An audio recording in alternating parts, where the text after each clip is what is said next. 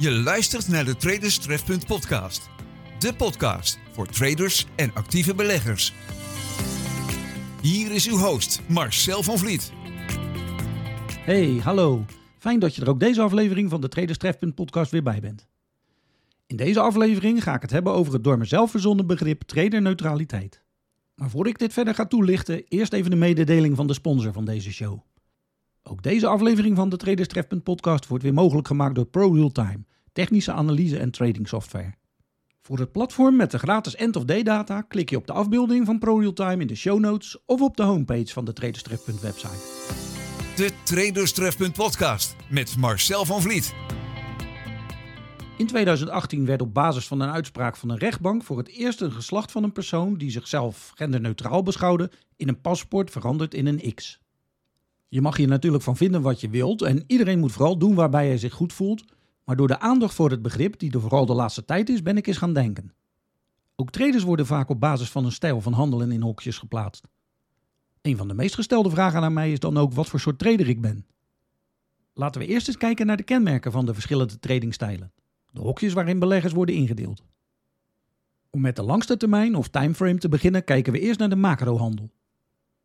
Macrohandelaren handelen op basis van de patronen in wereldwijde economische gegevens. Voorbeelden van deze gegevens zijn groei, werkeloosheid, inflatie, rentestanden, veranderingen in de wereldpolitiek, het beleid van overheden en centrale banken, financiële relaties tussen landen en andere grote mondiale financiële systeemfactoren. Macrohandelaren kunnen grofweg worden ingedeeld in drie groepen.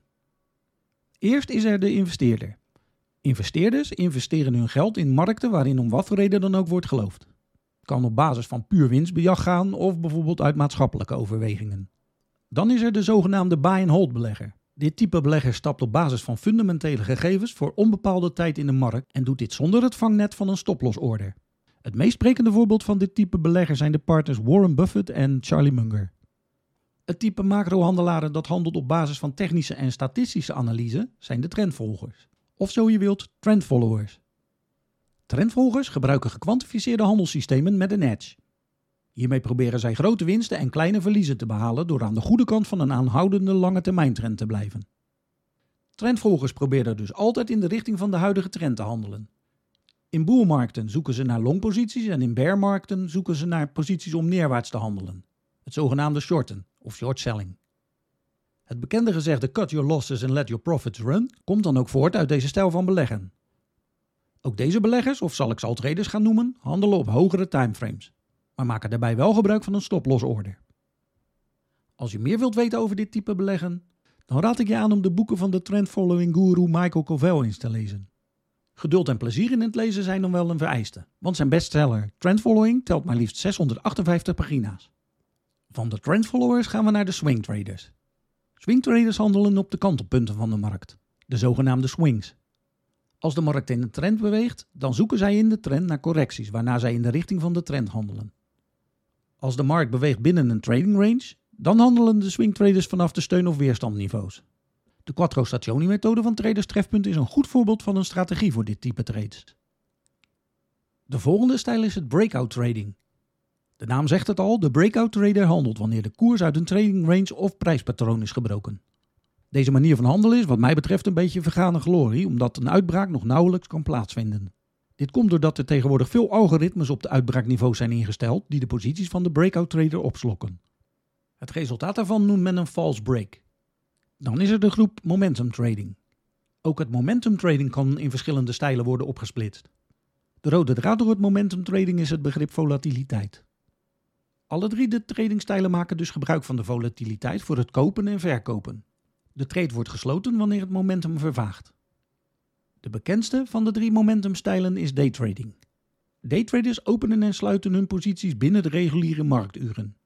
Door aan het eind van de handelsdag, ongeacht de resultaten, alle trades te sluiten, vermijden zij de koersbewegingen wanneer de beurs is gesloten en worden zij niet verrast door een hogere of lagere opening van de koers in hun nadeel. Een stijl van momentum trading die vooral populair is bij beginnende traders is het zogenaamde scalping. Ik denk dat een waarschuwing hier wel op zijn plaats is, want hoewel scalping soms kinderlijk eenvoudig lijkt, is dit vooral op mentaal vlak veruit de moeilijkste tak van sport.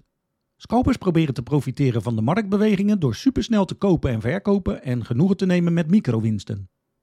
De edge van scalpers ligt in de snelheid van executie van koop- en verkooporders en het zo snel mogelijk in- en uitstappen met winst.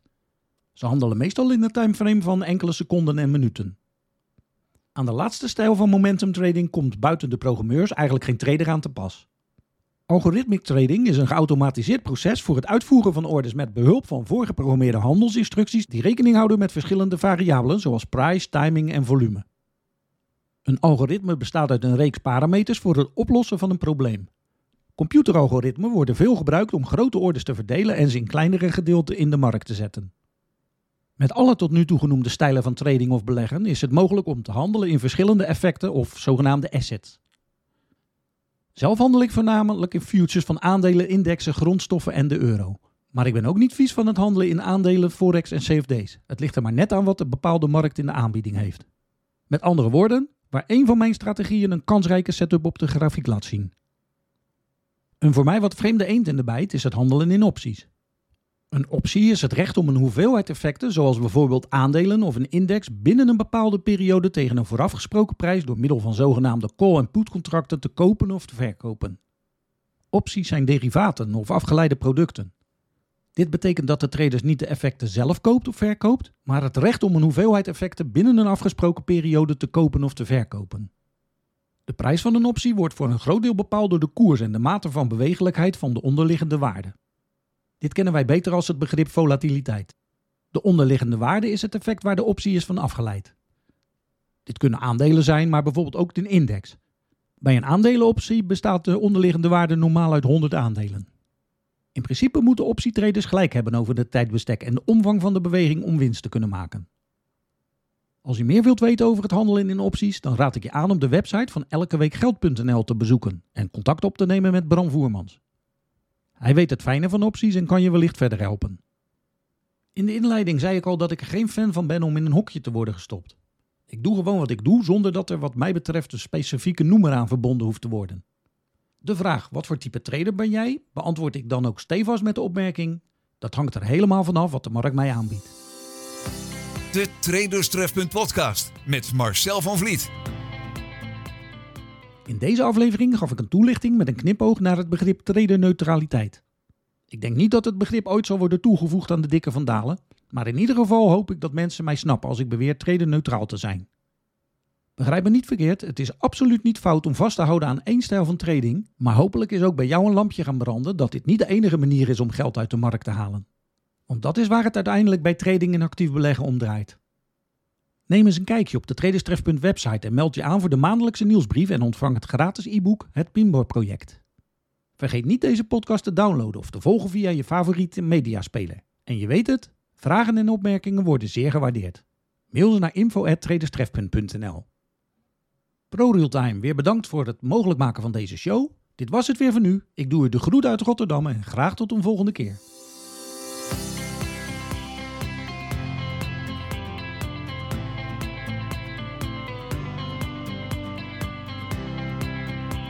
Je luisterde naar de Traderstrefpunt podcast. Kijk wat Traderstrefpunt voor jouw reis naar succes op de financiële markten kan betekenen op traderstrefpunt.nl.